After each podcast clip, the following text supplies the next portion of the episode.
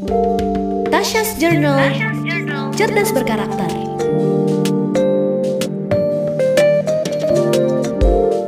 Halo, selamat mendengarkan podcast Tasha's Journal, cerdas berkarakter bersama aku Tasha Kamila. Sahabat karakter dalam rangka pendidikan karakter penting banget loh kita menerapkan nilai-nilai beriman dan bertakwa kepada Tuhan Yang Maha Esa serta berakhlak mulia. Karena ini juga sejalan dengan nilai profil pelajar Yaitu berakhlak mulia yang elemen kuncinya adalah akhlak beragama, akhlak pribadi, akhlak kepada manusia, akhlak kepada alam, dan akhlak bernegara. Nah, nilai-nilai inilah yang aku juga terapkan ke anak aku, Arasha, yang sekarang umurnya 1 tahun 5 bulan. Aku mulai dari hal yang simpel untuk membangun akhlak beragama, misalkan dengan berdoa. Jadi contohnya sebelum makan, aku ngajarin Arasha buat berdoa sebelum makan. Dan setelah makan, kita juga ngucapin Alhamdulillah. Jadi sebelum makan, berdoa sebagai rasa syukur kita atas rezeki dan nikmat yang sudah diberikan kepada kita. Selesai makan juga mengucap syukur. Saat karakter, penanaman nilai beriman dan bertakwa kepada Tuhan Yang Maha Esa itu ternyata bisa dilakukan sejak anak masih balita loh. Dari hal-hal kecil yang kita lakukan sehari-hari. Nah, sekarang aku juga sudah bersama seorang psikolog anak, yaitu Mutia Aprilia, MTC Psikolog. Hai Mbak Mutia, apa kabar? Hai Mbak Tasya, baik-baik.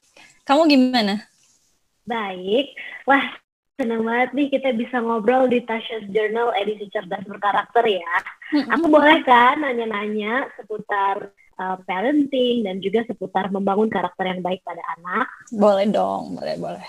Kemudian sebenarnya kenapa dalam penguatan pendidikan karakter penting banget kita mengajarkan ke anak tentang akhlak beragama? Oke, okay. Belum kita lebih lanjut, kita bahas dulu ya uh, definisi dari akhlaknya itu sendiri apa. Nah, jadi akhlak itu adalah perangai. Jadi sesuatu yang melekat pada diri seseorang yang terbentuk karena melakukan perilaku berulang kali. Jadi misalnya tadi Arasya kan terbiasa diajarkan bersyukur gitu ya. Nah, karena diulang-ulang terus bersyukur tiap hari uh, sebelum setelah makan gitu. Nah, nanti akan terbentuk akhlak yang baik. Di hmm. kemudian hari ketika ada kejadian-kejadian besar dalam hidupnya, nah dia akan jadi otomatis bersyukur gitu karena udah terbentuk menjadi akhlaknya. Nah, oh. kalau akhlak beragama ya uh, secara spesifiknya akhlak beragama itu adalah uh, akhlak atau kewajiban manusia yang berkaitan dengan agamanya, Tuhannya. Hmm. Nah, ini sebenarnya bisa jadi sangat luas karena bisa mencakup uh, seluruh aspek kehidupan bahkan uh, seperti akhlak kepada manusia, kepada alam yang tadi uh, Mbak Tasya sebutin di awal ya, itu juga sebenarnya bisa dikatakan sebagai bagian dari akhlak beragama. Hmm. Karena kan diatur juga tuh uh, tentang hmm. gimana sih cara berperilaku ke manusia, ke alam, itu kan diatur juga ya di kitab suci masing-masing hmm. gitu. Nah, jadi uh, ini jadi alasan utama kenapa akhlak beragama itu penting diajarkan ke anak. Hmm karena kan tiap agama itu pasti ngajarin yang baik-baik lah ya. E, balik lagi ke contoh tadi Arasya misalnya bersyukur gitu untuk makanannya. E, nah dengan sering bersyukur nanti kan dia ini akan tumbuh jadi anak yang lebih bahagia gitu, nggak hmm. merasa kekurangan. Hmm. Tuh. Wah betul banget. Jadi penting ya buat mengajarkan ke anak tentang akhlak beragama. Hmm. Jadi ternyata salah satu cara simpelnya adalah dengan menanamkan rasa hmm. syukur ya. Kalau aku tuh, aku juga ngajar ke Arasya buat bilang terima kasih nih Mbak Mutia. Misalkan kalau aku ngambilin sesuatu, atau kalau aku ngasih sesuatu ke Arasya, aku ajarin buat Arasya bilang, terima kasih, terima kasih Mama.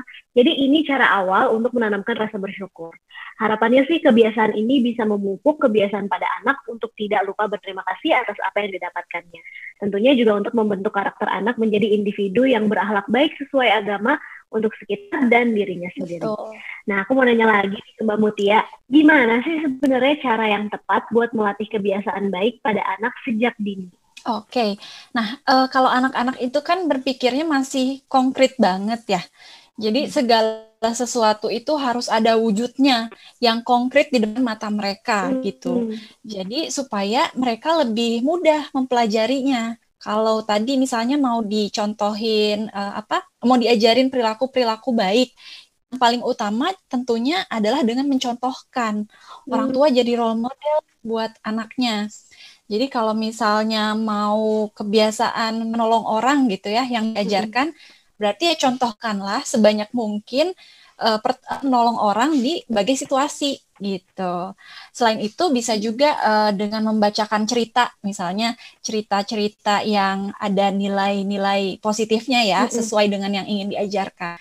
Atau nonton video animasi kalau anaknya udah uh, di atas 18 bulan gitu kan, mm -hmm. udah mulai bisa diperkenalkan ya mm -hmm. untuk menonton sedikit-sedikit gitu.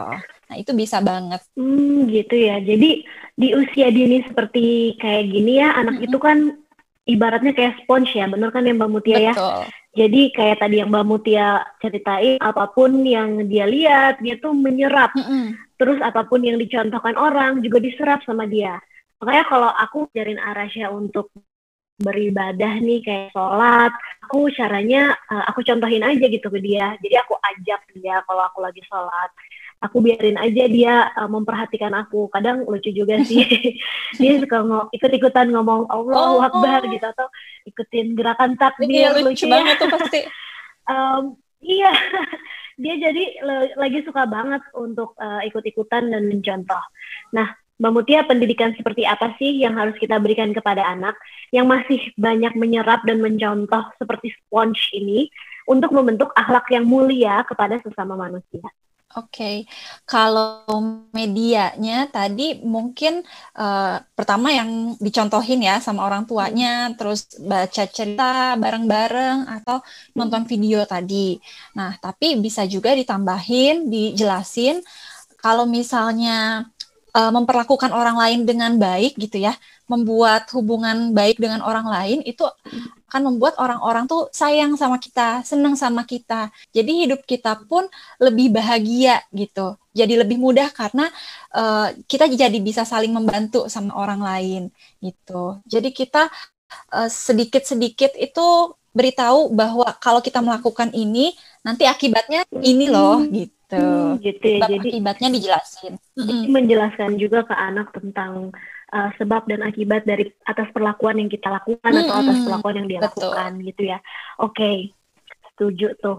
Uh, sahabat karakter, siapa di sini yang suka ngedongeng atau bacain buku ke anaknya?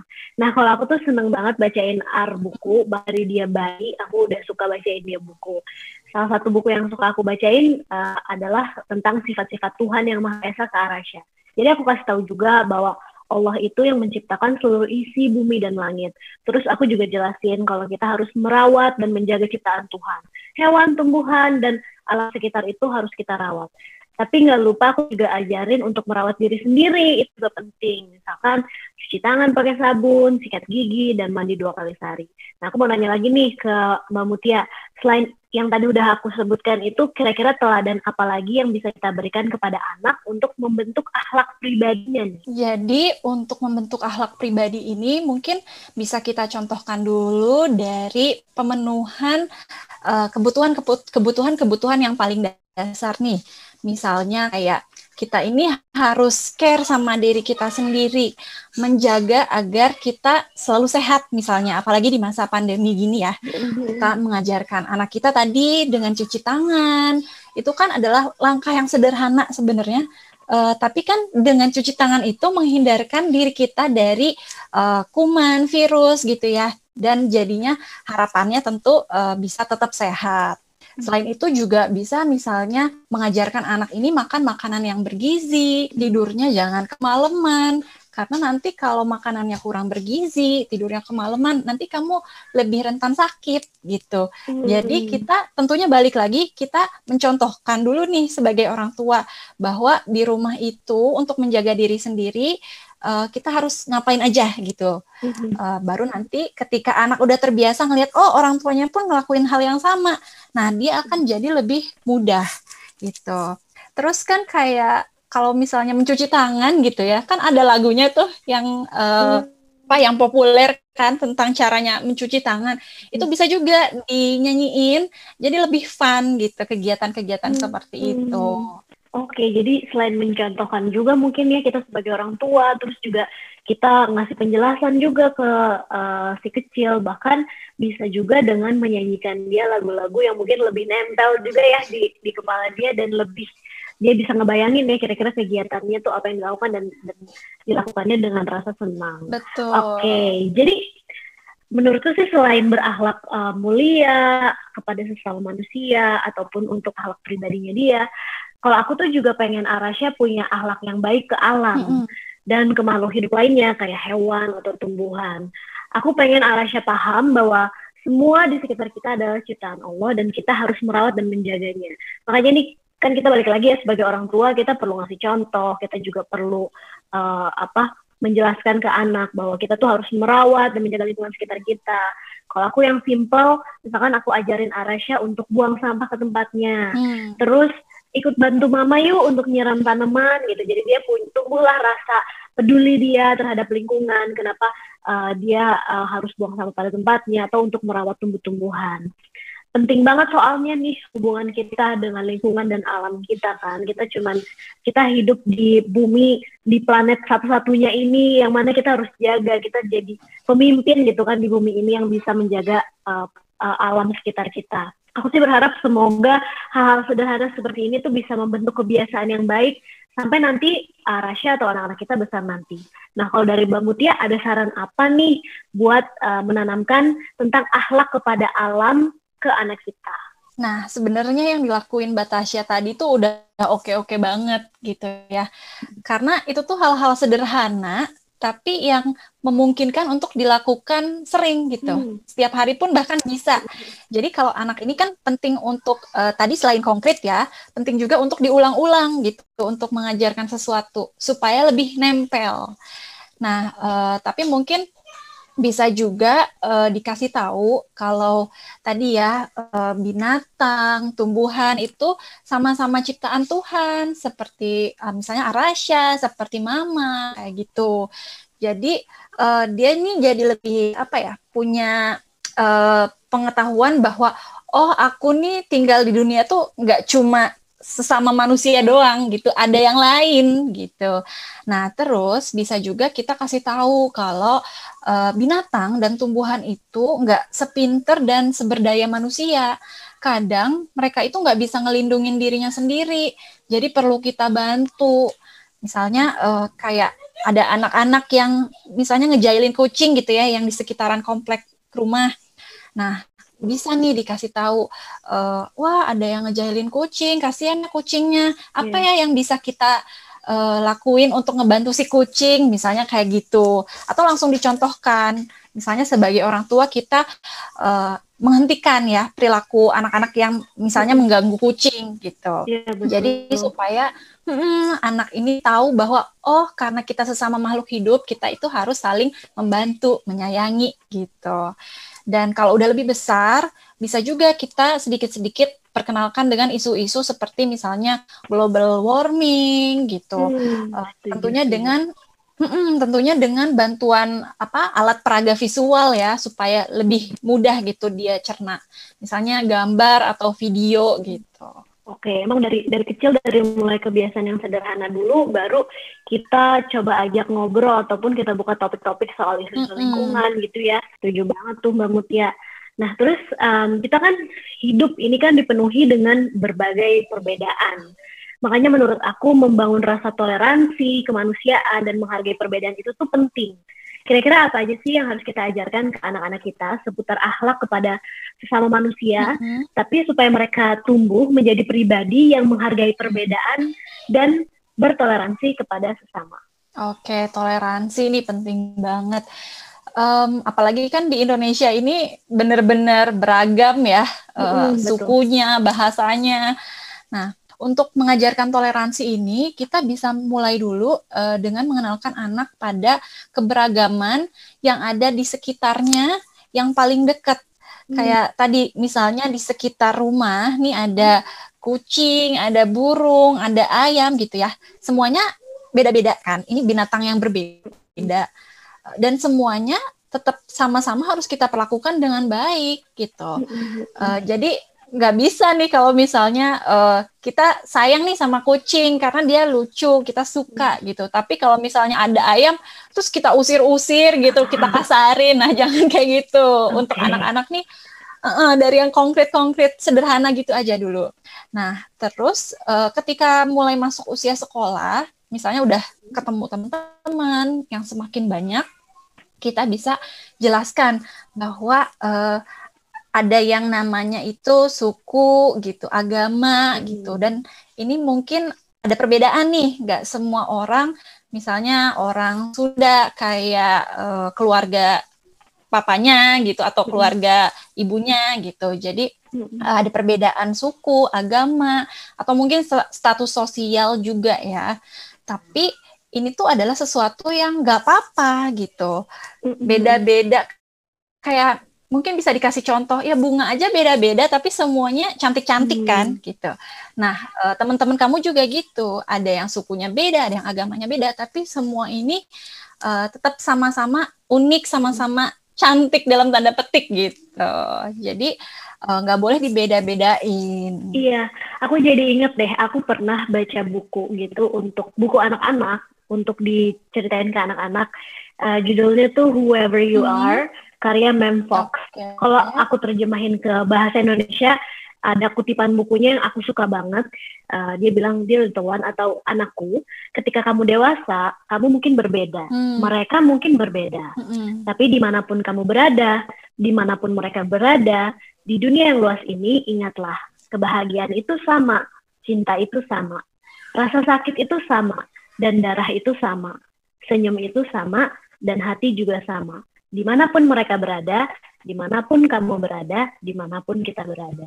Jadi bagus banget ya bagus bukunya banget, ya. uh, mengajarkan kita soal walaupun kita ini berbeda tapi ya kita semua tetap manusia Betul. gitu yang yang punya rasa yang punya rasa sakit yang sama mungkin yang mempunyai rasa uh, kebahagiaan dan cinta yang sama. Betul. Terus Aku juga uh, banyak belajar nih soal toleransi dan menghargai perbedaan waktu aku merantau ke Amerika untuk sekolah. Oh, gimana Soalnya di sana kan beragam banget.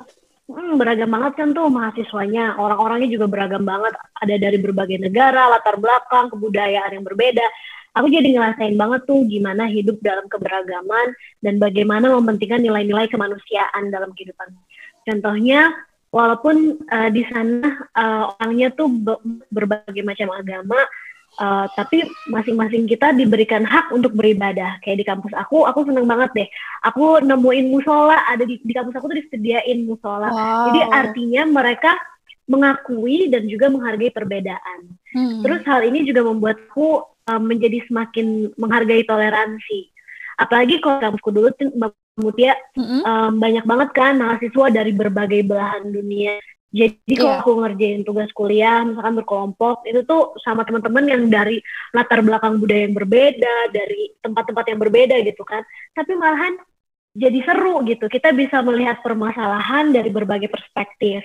Terus Betul. dalam menemukan solusinya juga kita bisa menggunakan berbagai cara yang berbeda yang mungkin aku sendiri tuh nggak kepikiran mm-hmm. gitu tapi karena mungkin di budaya mereka ada seperti ini ataupun mereka punya uh, pengetahuan yang berbeda gitu jadinya uh, jadi lengkap gitu. Ternyata perbedaan itu membuat diskusi dan keilmuan juga bisa menjadi kaya. Makanya Betul. perbedaan suku, ras, dan agama itu sangat dihargai. Setuju nggak? Iya, setuju banget. Dan ini juga hmm. makanya uh, sebaiknya orang tua juga mengenalkan anak pada sebanyak sebanyak mungkin keberagaman gitu. Jadi hmm. nggak uh, cuma apa ya, istilahnya mengurung anak di lingkungan yang homogen aja, yang sesuai sama karakteristik mereka aja, tapi juga mengenalkan bahwa di luar sana tuh ada berbagai macam gitu jenis orang. Betul, betul, betul. Jadi makanya penting banget ya kita ajarin ke anak-anak kita tentang kemanusiaan dan juga menghargai perbedaan betul yang ada. Banget. Sahabat karakter, tentunya sebagai warga negara yang baik, kita gak wajib ikut serta dalam membangun negara kita, Indonesia, menjadi lebih baik ke depannya. Nah, hal-hal sederhana seperti di masa pandemi sekarang ini nih, kita pakai masker kalau mau keluar rumah, atau nggak berkerumun kalau nggak perlu-perlu banget, itu merupakan salah satu bentuk kita menjadi warga negara yang baik loh. Atau kita juga mengajarkan ke anak kita untuk belajarnya di rumah aja selama sekolah tatap muka belum diizinkan dan mengajarkan hal lain sebagai warga negara yang baik, misalkan membayar pajak untuk pembangunan bangsa dan negara. Nah, Mbak Mutia, apalagi sih yang bisa kita lakukan untuk membentuk karakter anak sebagai generasi penerus bangsa dalam hal akhlak bernegara? Oke, okay, ini udah cukup berat ya bahasanya bernegara soalnya.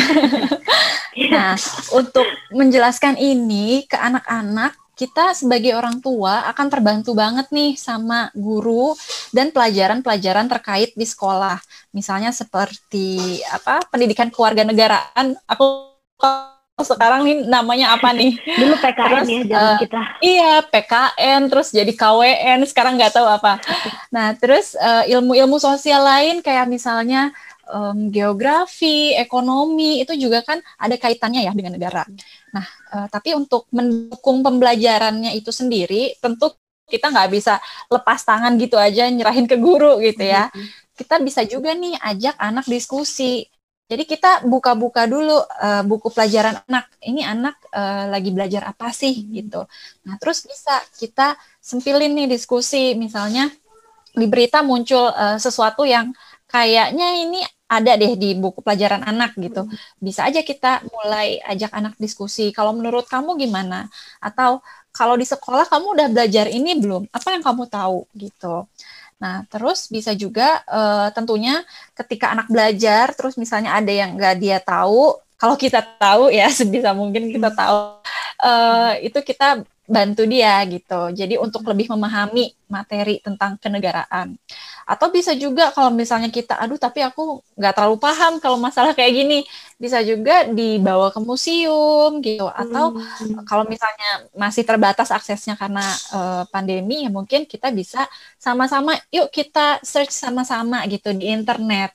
Gitu. Hmm. wah ide yang bagus tuh. Jadi juga melibatkan anak untuk kegiatan-kegiatan yang menumbuhkan semangat nasionalismenya. Pendidikan karakter berlandaskan Pancasila itu penting banget untuk kita semua sebagai generasi penerus. Kuncinya ada di akhlak beragama, akhlak pribadi, akhlak kepada manusia, akhlak kepada alam, dan akhlak bernegara. Kalau aku harapannya Semoga anak-anak Indonesia, tentunya anak aku Arasha, bisa jadi orang yang beriman, bertakwa kepada Tuhan Yang Maha Esa, dan berakhlak mulia, serta juga menghargai perbedaan. Kalau Mbak Mutia, harapannya apa sih untuk anak Indonesia? Tentunya selain uh, agar anak-anak Indonesia ini beriman dan bertakwa kepada Tuhan, juga bisa menerapkan ajaran-ajaran baik dari agamanya masing-masing ke masyarakat dan semoga mereka juga berkembang jadi generasi yang tentunya lebih baik dari generasi-generasi sebelumnya. Jadi agen perubahan lah gitu untuk diri sendiri, keluarga, masyarakat, dan alam mungkin lebih luasnya gitu. Amin. Wah, terima kasih banyak ya Mbak Mutia udah ngobrol di podcast aku, Tasha's Journal Cerdas Berkarakter. Sampai di sini dulu obrolan kita. Semoga bermanfaat ya buat para pendengar semua. Buat sahabat karakter yang mau tahu lebih banyak seputar penguatan pendidikan karakter bisa langsung cek website cerdasberkarakter.kemdikbud.go.id. Sampai ketemu lagi di Tasha's Journal episode berikutnya. Tasha's Journal Cerdas Berkarakter dipersembahkan oleh Pusat Penguatan Karakter Kementerian Pendidikan dan Kebudayaan Republik Indonesia.